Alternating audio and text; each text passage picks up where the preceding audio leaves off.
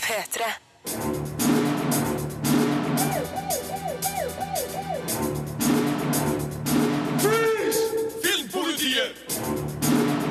What's your name, dude? Birger Vestmo. What kind of stupid name is that? Need for Speed er best når gassen trampes i bånn. Permafrost er nordnorsk indiefilm som mister den røde tråden. Doktor Proktors prompepulver er fargerik underholdning for de minste. Og Saving Mr. Banks er en søt og sentimental Disney-historie. Bokstavelig talt. Det her er premierefilmene som anmeldes i dag. Kollega Rune Haakonsen skal dessuten gi deg sine- førsteinntrykk av spillkonsollen Xbox One. Regissør John Sullivan forteller om inspirasjonen bak premierefilmen Permafrost. Og sjølveste Robert Rodriguez, regissøren bak annet Desperado og Sin City, skal fortelle om den nye Netflix-serien basert på en annen av hans filmer, nemlig From Dusk Till Dawn. Filmpolitiet anmelder film. You think you're a better driver than me? Well, let's race. Jeg har spilt mange spill i Need for Speed-serien, men aldri følt behovet for en filmatisering. Når den nå likevel er her, er jeg fornøyd med resultatet. Regissør Scott Woe forsøker på ingen måte å revolusjonere bilfilmsjangeren, men filmen hans gjør det den skal. Vi får en potent blanding av fete biler, tøff kjøring og en tynn story, pakka inn i glansa bilder og kanonlyd. Og midt imellom de her elementene makter hovedrolleinnehaver Aaron Paul, kjent fra Breaking Bad, å skape en figur som er verdt å bry seg om. Toby Marshall, spilt av Aaron Paul, mister en god venn i en ulykke under et ulovlig billøp. Krasjet forårsakes av konkurrenten Dino Brewster, spilt av Dominic Cooper, men Toby får skylda og må sone i fengsel. Når han slipper ut, er han fast bestemt på å hevne vennens død ved å slå Dino i et hemmelig prestisjeløp arrangert av mystiske Monarch, spilt av Michael Keaton. Men da trenger han en fet bil og kom seg fra New York til California på rekordtid. Inn kommer Julia, spilt av Imogen Poots, og en Ford Mustang Shelby. I'm willing to give six million dollars to anyone who puts a stop to him. Mange kommer sikkert til å klage på at historien er tynn. Jo da, filmen er best når gasspedaler trampes i bånn og superbiler suser gjennom trafikken, ikke når det snakkes. Flere elementer i manuset kan plukkes i filla om man vil, men hvorfor skulle man det? Det er unødvendig. Realisme står ikke i fokus her. Historien i Need for Speed er det den trenger å være, verken mer eller mindre. Den legger grunnlaget for halsbrekkende kjøring i høy hastighet over USA, og det er det som gjelder. APB out for your arrest in ten states. I'm never gonna stop. Men sjøl om bilkjøringa er viktigst, er det grunn til å berømme Aaron Paul for å gjøre en etter forholdene god figur. Han tilfører velkommen vekt til en i utgangspunktet florlett rolle, og gir figuren en emosjonell tyngde som gjør det engasjerende å følge hans vei mot eh, målet, bokstavelig talt. Imogen Poots spiller den søte dama som alltid er med i slike filmer. Hun blir riktignok tillagt et tradisjonelt kjønnsrollemønster, men får heldigvis anledning til å vise hva hun duger til seinere i filmen. Poots gir filmen et nødvendig smil, som en motsats til Pauls alvorstynga uttrykk. Need for Speed er en vellykka bilfilm med upåklagelig fartsfølelse, flere imponerende stunts og et lekkert utvalg av biler. Avslutningsløpet kjøres med superbiler fra Ferrari, Lamborghini, Königsegg, GTA, McLaren, Salin og Bugatti. Biler som er godt kjent fra spillserien, og som gjør meg nesten tårevåt. La gå at manuset er i enkleste laget. Jeg er faktisk ikke sikker på om Need for Speed ville ha blitt bedre med en dypere historie. Terningkast fire. Les mer om film, spill og serier på p3.no Filmpolitiet. Denne uka har NRKs spillekspert Rune Haakonsen testa den nye dataspillkonsollen Xbox One. Men Rune, den har jo ikke fått noen norsk lanseringsdato ennå. Hvorfor ikke det? Nei, konsollen kom jo ut i USA, England og annet Tyskland allerede i november i fjor. Nettopp for å konkurrere med lanseringen av PlayStation 4. Men Norge ble degradert sammen med en lang rekke andre land, som Sveits og litt andre ting. Bu! Ja, helt enig, som gjorde at eh, vi fortsatt ikke helt vet hva den offisielle lanseringsdatoen vil være. Microsoft har sagt til eh, oss her i NRK at den kommer i 2014, men at de, de gleder seg til å dele flere mer detaljer senere, da. Sikkert nok. Men, eh, men eh, hvordan har du likevel fått tak i en eh, Xbox One? Det er jo litt rart det at jeg har vært og kjøpt den i butikk her i Norge, da rettere sagt i Trondheim, der, der, der jeg holder til. Rett og slett fordi at de store elektronikkjedene har begynt å hente inn importerte konsoller fra England og Tyskland. De fungerer veldig godt. Altså, de fungerer helt normalt på, hvis du logger på med din vanlige Xbox Live-konto. Så det er rett og slett butikken har blitt litt lei av å vente på at konsollen kommer ut, så de har begynt å hente inn fra utlandet, og kan, man kan nå gå og kjøpe da, på utvalgte steder konsollen i butikk i Norge. Men er det et men her, hvis man går hen og kjøper en import Xbox One? Nei, det er nettopp det som er litt underlig, for man kan bruke sin norske Xbox Live-konto, og ved bruk gavekort så kan man også bruke nettbutikken, da, eh, hvis man, for den er jo da naturlig nok ikke lansert i Norge ennå. Så det er fullt mulig å kunne laste ned og kjøpe spill ved å bruke da gavekort som man kan kjøpe. Dette gjør det jo til en litt underlig situasjon. Det er en fullt fungerende konsoll der 95% av alle funksjoner er helt oppe, eh, fortsatt ikke er å finne på det norske markedet, i hvert fall ikke offisielt sett. Ok, men eh, du pakka opp Xbox One fra pappen, og hva, var- altså. hva, hva var førsteinntrykket da du sto der med boksen i hånda? Den er mye større enn PlayStation 4. Det er en ganske skal vi si, kraftig eh, liten boks. Liten og liten, var kanskje nettopp det den ikke var. Den vil ta ganske mye plass ved TV-en, men når den først blir blir starta opp, så er det veldig mange likhetstrekk med PlayStation 4. Det er mange av de samme funksjonene. Man har eh, videostrømmingstilbud, man kan høre på musikk, eh, selvfølgelig spille spill som, man, som, seg så hør og bør på ny spillkonsoll, um, og man kan strømme gjennom tjenester som Twitch og Ustream. Så dette er ting som konsollene har til felles, og det vil nok over tid være de unike og eksklusive spillene som skiller Xbox One fra PlayStation 4, men førsteinntrykket er i hvert fall at det er ganske likt sånn rent teknisk. Ja. Nå har du altså ikke hatt eh, boksen veldig lenge, så det her er førsteinntrykk. Veldig førsteinntrykk, altså. Men, men eh, hvordan er inntrykket av de spillene du har testa på, på One? Altså, Spillene i seg selv har jeg da lastet ned, og de er enorme. Eh, 30-40 gigabyte. Du bør ha en god nettlinje og eh, litt god tid hvis du har lyst til å laste ned alt sammen. Men det som kanskje jeg reagerte aller først på som en veldig positiv ting, eh, som også Microsoft har fremheva som en veldig eh, Ja, dette er en bra funksjon, se på dette, dere! Det er nemlig muligheten til å starte spillene før de er ferdig installert og lasta ned. I f.eks. For Forza Motorsport 5, en av lanseringsspillene som da kom i USA i fjor høst, så kunne man starte opp og begynne å kjøre og reise på noen øvingsbaner, selv om spillet bare hadde lasta ned 10-15% og etter hvert som mer ble lasta ned, åpnet flere funksjoner seg opp. Og Det samme gjelder eh, Rise, Son of Rome, et eh, hack and slash heftig actionspill som også da kom ut til lanseringen i USA i fjor høst. Samme mulighet til å starte opp spillet før det er ferdig lasta ned, og begynne eventyret. Det er en veldig velkommen funksjon som gjør at det er lett å hoppe rett inn i spillopplevelsene. Eh, Spillene i seg selv er foreløpig ingenting som har stått ut som en terningkast seks, men det er ålreite opplevelser, og så er det gøy å se at eh, man dytter litt fram da, på det grafiske, for i Forza Motorsport 5 så skal jeg nok love deg, Birger, jeg vet du er glad i bilspill, Ja. det ser bra ut.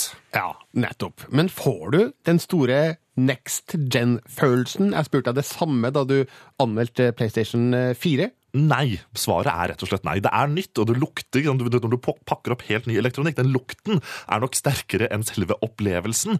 Eh, Rett og slett fordi at jeg, jeg- tror eh, spillutviklerne trenger litt tid på å komme med de virkelige skal vi si, hakeslippspillene til disse nye konsollene. Vi får se hvor lang tid det tar. Xbox One og PlayStation 4 foreløpig, i hvert fall, i min bok, på, med likt utgangspunkt. Og så blir det da innholdet, spillene, som styrer hvem som vinner. Takk skal du ha, Rune Håkonsen. Full anmeldelse av konsollen Xbox One kommer når du har fått testa litt mer. Jeg skal spille masse, jeg nå. P3. P3. Filmpolitiet anmelder film. Fantastisk oppfinnelse. Et prompepuller som ikke lukter noe. Er det noe unger liker, så er det prompehumor. Åtteåringen hjemme hos meg trenger bare høre ordet fis, så triller latteren. Filmatiseringa av Jo Nesbøs barnebok 'Doktor Proktors prompepulver' er naturlig nok full av fis. Den er òg full av enkle skjematiske figurer i en litt springende handling som kun hatt større spenningsfaktor. Filmen greier ikke helt å vekke barnet i meg, men faktiske unger blir helt sikkert godt fornøyd, og da er det ikke så nøye med meg. Damer og herrer, gjør dere klare for Doktor Proktors prompepulver. Lise, spilt av Emily Gleister, og den nye naboen Bulle, spilt av Eilif Hellum Noraker, blir kjent med eksentriske doktor Proktor, spilt av Kristoffer Joner. Bulle tester hans prompepulver og oppfordrer han til å utvikle ideen videre for å gjøre sjølveste NASA interesserte. Men den sleipe konkurrenten herr Trane, spilt av Atle Antonsen, trenger sårt en ny oppfinnelse.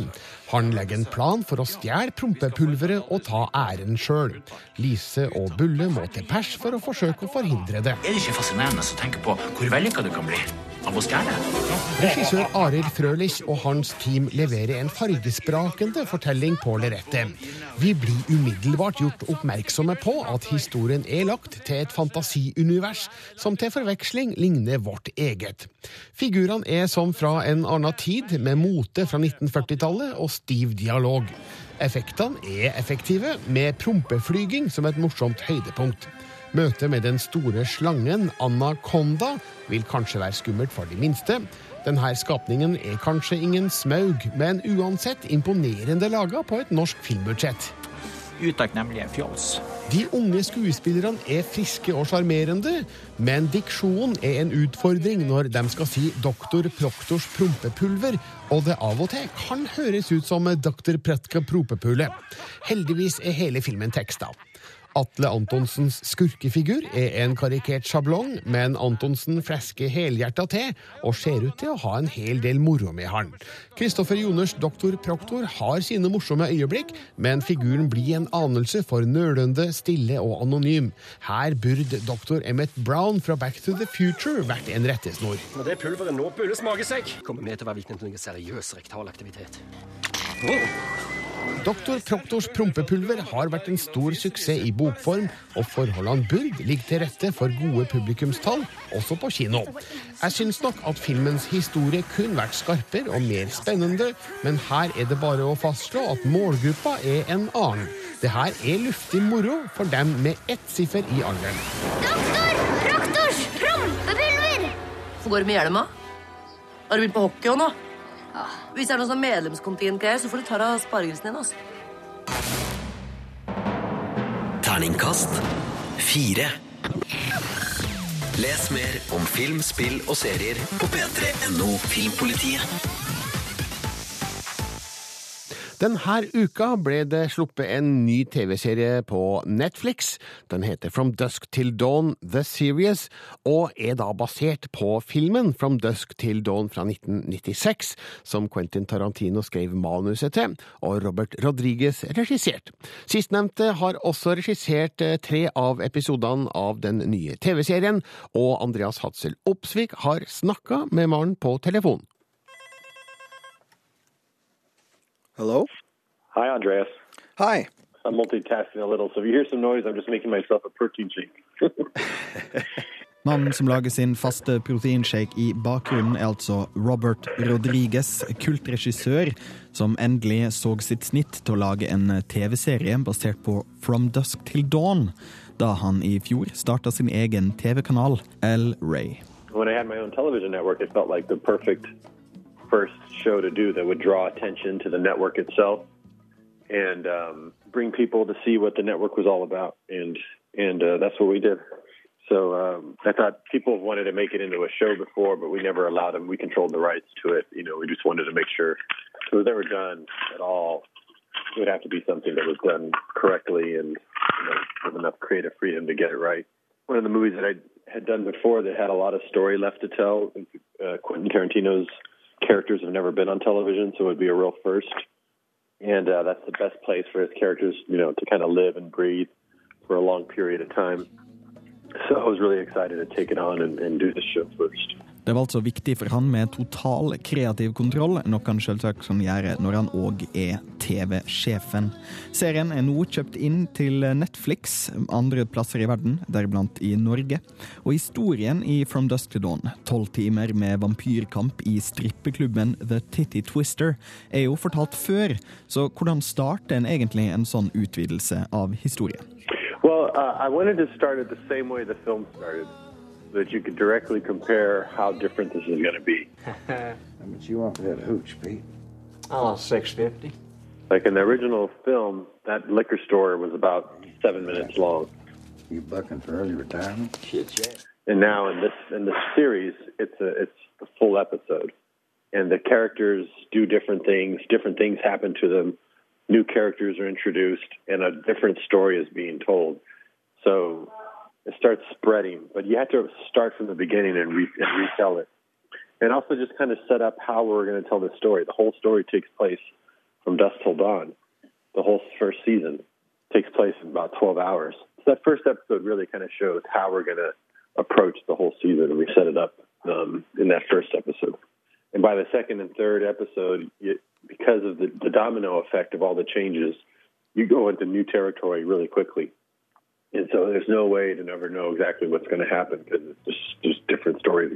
Til regijobbene så Rodriguez etter folk som hadde arbeid både med film og TV.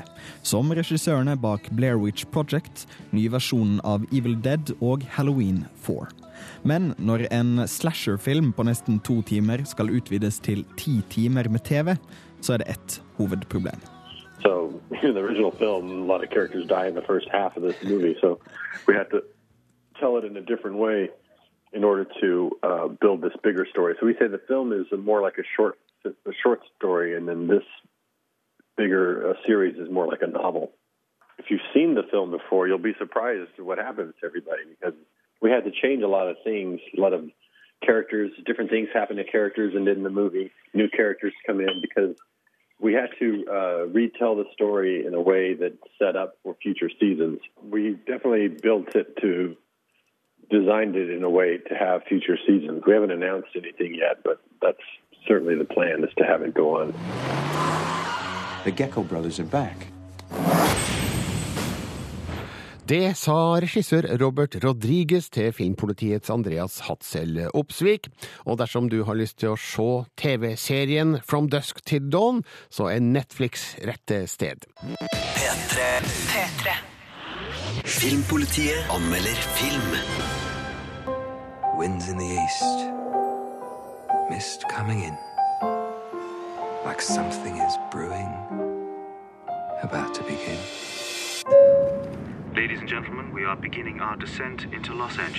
Når Walt Disney Pictures lager film om forhistorien til en Walt Disney-film, med Walt sjøl som en av hovedfigurene, kan man ikke forvente et altfor skarpt og kritisk blikk på begivenhetene. 'Saving Mr. Banks' er en sukra og sentimental beretning om hvordan Musehuset forsøkte å få filmatisert Mary Poppins.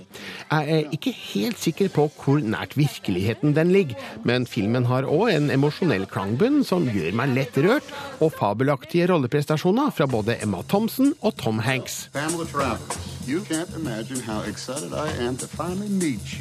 Forfatteren Pamela Travers, spilt av Emma Thompson, reiser motvillig til Los Angeles i 1961 for å utarbeide et manus av sin berømte bok Mary Poppins. Der møter hun Walt Disney, spilt av Tom Hanks, som setter hun i samme rom som manusforfatter Don Dagradi, spilt av Bradley Whitford, og komponistbrødrene Robert Sherman, spilt av BJ Novak, og Richard Sherman, spilt av Jason Schwartzman. Disney har forsøkt å overtale Pamela i 20 år til å selge rettighetene, men hun tviholder på dem, og tilbakeblikk til hennes barndom i Australia kan forklare hvorfor figurene i romanen er så viktige for hun. You think Mary Poppins has come to save the children? Oh dear. Det er jo ingen hemmelighet at Mary Poppins faktisk ble en film i 1964, så spenningsmomentet ligger ikke der. Det som gjør historien interessant, er hvordan Pamelas ekstreme beskyttelsesinstinkt krasjer med Walts velmenende ambisjoner. Det resulterer i flere skarpe replikkvekslinger mellom mennesker med ulike syn på det endelige produktet. Filmen beskriver òg godt hvordan Pamela gjenopplever barndommen gjennom arbeidet med filmmanuset, og tar et indre oppgjør med minnene. Mary Poppins was? I tilbakeblikkene spiller Colin Farrell en kjærlig far som stadig vekker datteras fantasi med sine påfunn.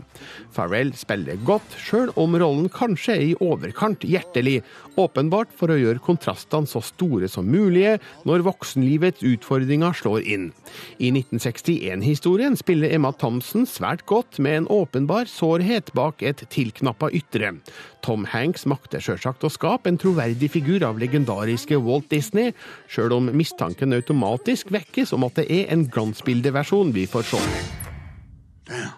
Saving Mr. Banks er kanskje ikke den vanskeligste historien om en films tilblivelse, men den er søt og sympatisk og med en fornøyelig tidskoloritt fra 60-tallets Hollywood, som for eksempel Mad Men-kjennere vil ha glede av.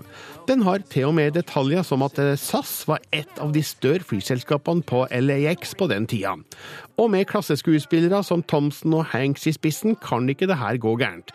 Jeg må òg nevne Paul Giamatti i rollen som privatsjåføren Ralph, som gjennom sin avvæpnende væremåte er med på å smelte isfronten som Pamela møter verden med.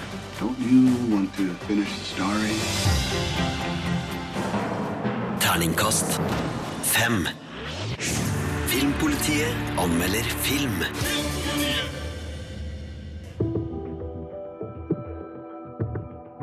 Det er så full. Jeg orker ikke mer noen som Jeg orker ikke mer. Jeg vil hjem. Det fins mange grunner til å rømme tilbake til en stad hun en gang rømte fra. Synnøve virker å ha en plan da hun setter seg i bilen sin og forlater livet i Oslo og kjæresten hans Petter, som stort sett bare kommuniserer i fylla, til fordel for heimplassen. På vei til Troms treffer hun, eller hun blir truffet av, den canadiske motorsyklisten Max, som bestemmer seg for å pleie tilbake til full form. I og med at de begge er langt hjemmefra, innebærer det her å ta Max med til den isolerte og alkoholiserte mora hennes. Den nordnorske naturen blir nytta til det fulle. De høye, hvitkledde fjellene kjennes ut som den holder folka nede i den grå og triste hverdagen. Fjella i permafrost blir ramma rundt ei tidvis morsom, men flakkende historie. Det å våkne opp uten deg, og ikke vite hvor du var. En kan jo skjønne hvorfor Synnøve ville forlate det enslige huset i dalen i utgangspunktet, som kun blir forstyrra av en nabo på en summende snøscooter noen ganger om dagen. Det er ingen helter her. Vår hovedperson rømmer kanskje fra den ugreie samboeren sin, som hun mistenker savner bilen mest av alt, men Synnøve har ingen glorie sjøl. Jeg tror uten problemer på hennes livssituasjon. Siden rolla si i Bad Boy Bubby har Nicholas Hope rekt å bli grå i skjegget. Det intense blikket og den maniske utsjånaden har han fremdeles. Brukt godt i filmens mange konfrontasjoner.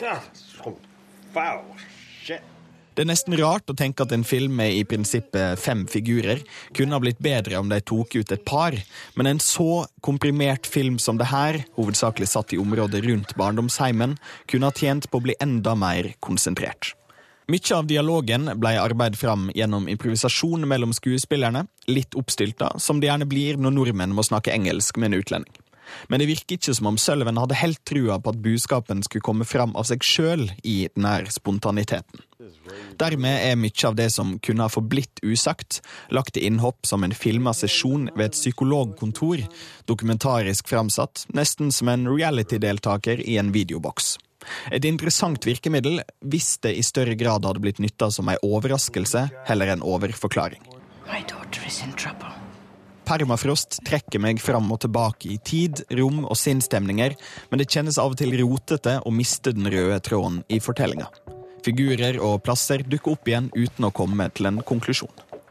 Når filmen får være konsentrert rundt figurene i huset, fri fra tilbakeblikk og forklaringer, og i stedet konsentrert på møter mellom selsomme mennesker i en selsom dal, er den tidvis både morsom og tankevekkende. Men med så mye uforløst historie virker det nesten som det er lagt opp til en oppfølger. Nesten. Nice party. Terningkast tre. I sted anmeldt kollega Andreas Hatzel Opsvik den nye norske filmen Permafrost. Jeg har møtt regissør John Sullivan, som forklarer filmens inspirasjonskilde. Petre. Petre. Du er kanskje mest kjent eh, for eh, dokumentarting fram til nå. Nå gir du deg i kast med fiksjon. Hvorfor, eh, hvorfor gjør du det nå? Ja, det er andre gangen jeg gjør det. Dette er min andre spillefilm. Første var Play. Grunnen til at jeg gjør dette nå, for at for meg så er det ikke så stor forskjell på verken dokumentarfilm eller fiksjon. Eh, Det har veldig mye felles, mye mer enn det man kanskje tror. Eh, Jeg hadde lyst til å fortelle en historie om, eh, om, eh, om en reise eh, som gjøres fra, et, fra sør til nord. Og når man reiser, så opplever man ting. eh, Og hva skjer? Og hvordan utvikler det historien videre? Men med et sterkt dokumentarisk preg allikevel. Hva, hva er det du tar med deg fra dokumentarverden inn i fiksjonsverden? Først og fremst eh, måten å jobbe på. Eh, lite team. Eh, veldig fleksibelt. Eh, men også improvisasjon. Han eh, jobbet ut ifra et manus, et tradisjonelt eh, manus, men improvisert rundt flere av scenene. og bruker eh, skuespillerne som utviklere etter hvert som man, eh, historien skrider frem. Ja, gir du da direksjoner, eller sier du bare fyr løs? Nei, snakker gjennom scenen og setter en ytre ramme for eh, hva som er målet, og hvordan det, det skal oppnås. Og hvilken retning man skal ta. Men innenfor det, de rammene så, så jobber man ganske fritt. Men det, har, det har en begynnelse, en midt og en slutt i hver scene allikevel. Men uh, må du av og til gå inn og være litt mer detaljstyrende, eller uh, får du de resultatene du trenger ved å la improvisasjonen være basisen? Altså, noe av den, den krevende siden ved, ved improvisasjon er at det tar ofte lengre tid. Så ja, man bryter, jeg bryter ofte inn og, og strammer opp og, og gir en, en, tydeligere retning. Men eh, man får også mye gull på veien eh, når man eh, lar det være litt friere. Men innenfor en, en, en satt eh, ramme. Når vi møter disse figurene, så holder du litt tilbake om hvem de er og hvorfor denne situasjonen oppstår. Hvorfor hun legger ut på denne reisen. Hva er tanken bak måten historien rulles ut på? Jeg har lyst til å ikke fortelle for mye, men gi små hint eh, og henvisninger underveis. Og så blir det en Om det ikke rulles opp og det er en konklusjon, så, det, så lærer man karakterene å kjenne underveis. da. Og at det er en utvikling sånn sett. Men eh, ja Hvor mye informasjon som skal gis og ikke gis, det er jeg alltid Jeg har jo strammet det ganske til i, i klippen. Og det har vært en lang klippeprosess. Um, og da har det blitt mer retning på det enn det jeg kanskje i utgangspunktet trodde det ville bli. Det um, slår meg at um, hun reiser tilbake til barndomshjemmet sitt, men uh, vil hun egentlig være der? Vil hun egentlig dit? Altså Hun dro jo derfra i ung alder og vil egentlig ikke reise tilbake. Du har helt rett i det. Men uh, jeg tror det har, det har presset på seg et ønske om å ta et slags oppgjør. Uh, men på veien til å ta det oppgjøret så skjer det ting som gjør at hun Det blir ikke helt sånn som hun har tenkt seg. Og så går hun og bærer på en, uh, en hemmelighet. Nicholas Hope kommer inn. Hva er, hva er den figurens funksjon her? Er han en katalysator for noe altså av det som skal skje videre? Ja, han er en katalysator for ja, det gode og det onde.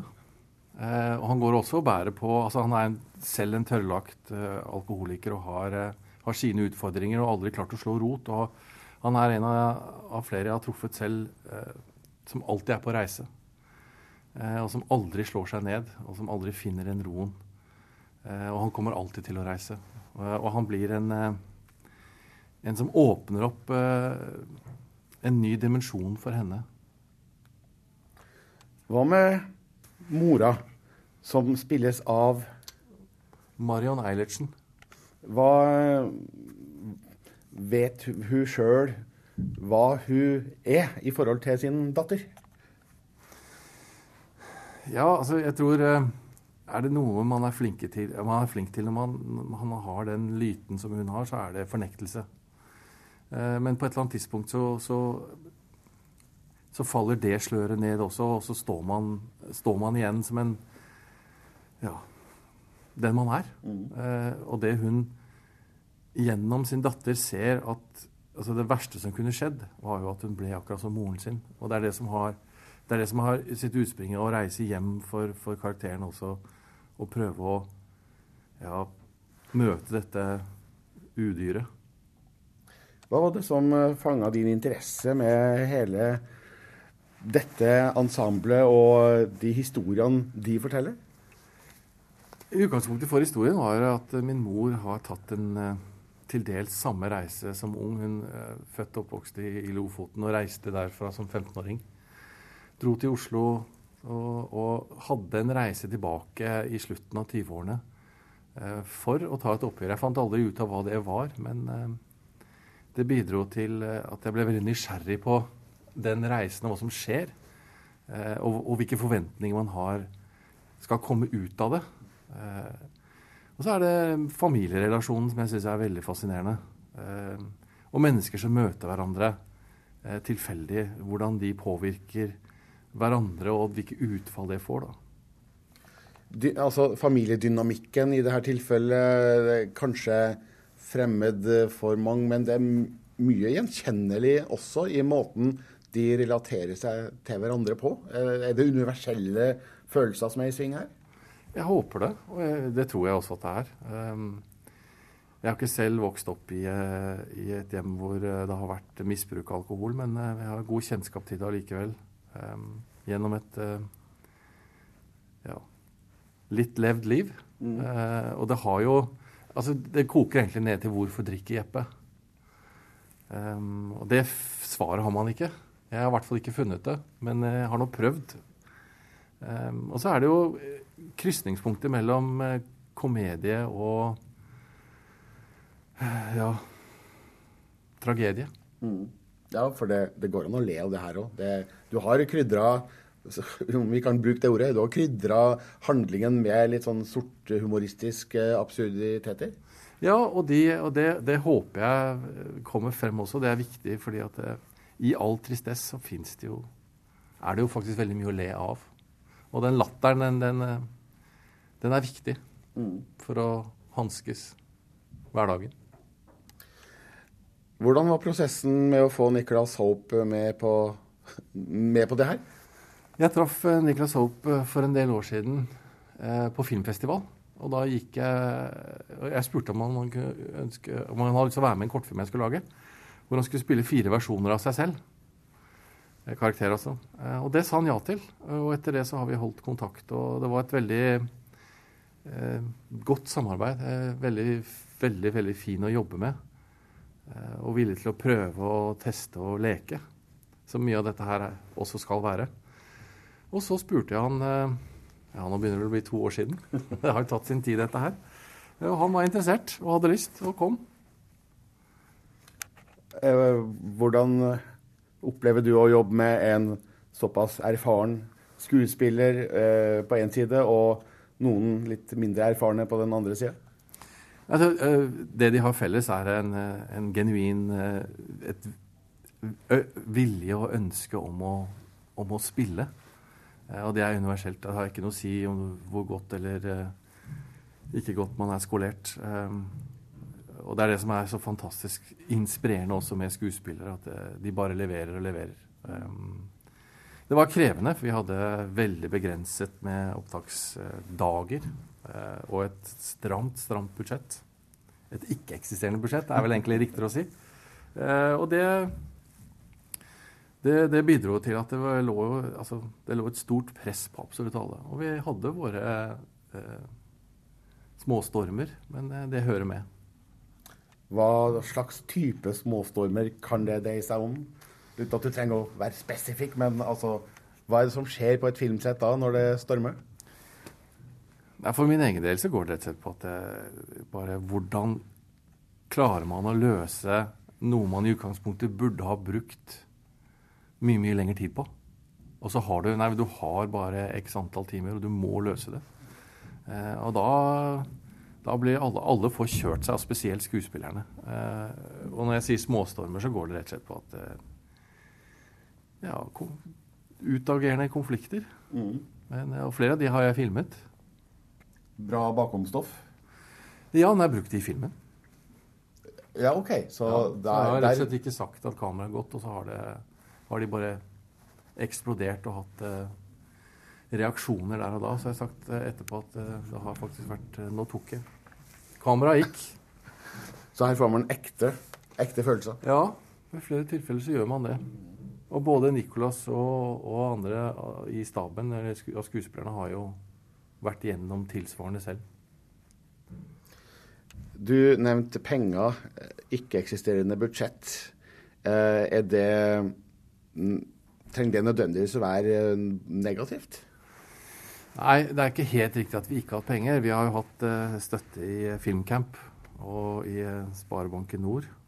Men det å lage film med lite penger, uh, kan det også virke positivt inn på den kreative prosessen? Ja, det er absolutt. Altså, jeg valgte jo å gjøre dette, og vi gjorde det fordi at vi trodde på prosjektet og trodde på filmen. Men vi brukte 15 dager på det. Eh, og det sier seg selv. Eh, normalt bruker man tre måneder. Um, og da må man man må ta noen valg. Eh, og de Altså når publikum nå skal gå og se filmen, og den som setter seg ned skal se den, det er helt uvesentlig for de som ser den. Men det spiller jo inn, og jeg vil ikke at dette skal høres ut som, som syting og en, en beklagelse for at det ble ikke sånn som jeg ønska det skulle bli. Eh, For det er ikke tilfellet. Men jeg tror, for å gå tilbake på det du spurte, det har absolutt en eh, positiv innvirkning. For at du har, du har et helt annet sett å møte prosessen på enn et kjempestort apparat, som det ofte er eh, på filminnspillinger. Sånn sett er det jo en, eh, en parallell til måten å produsere dokumentarfilm på der også. Men ja. Nå mista jeg tråden her. da. Ja, det handler om penger. Ja, om om eh, kreativitet. Ja. For, jeg tenker på En god idé koster ikke noe. Altså eh, Det gjør jo ikke det. Nei. Eh, Men det er gjennomføringen og det apparatet som dras i gang. Jeg syns jo ofte at filmproduksjonen har en tendens til å blåses litt opp og bli for store. Det går an å få gjort veldig mye mer eh, for mindre penger. Mm. Det er ikke noe likhetstegn mellom masse penger er lik kvalitet. Det vet man jo.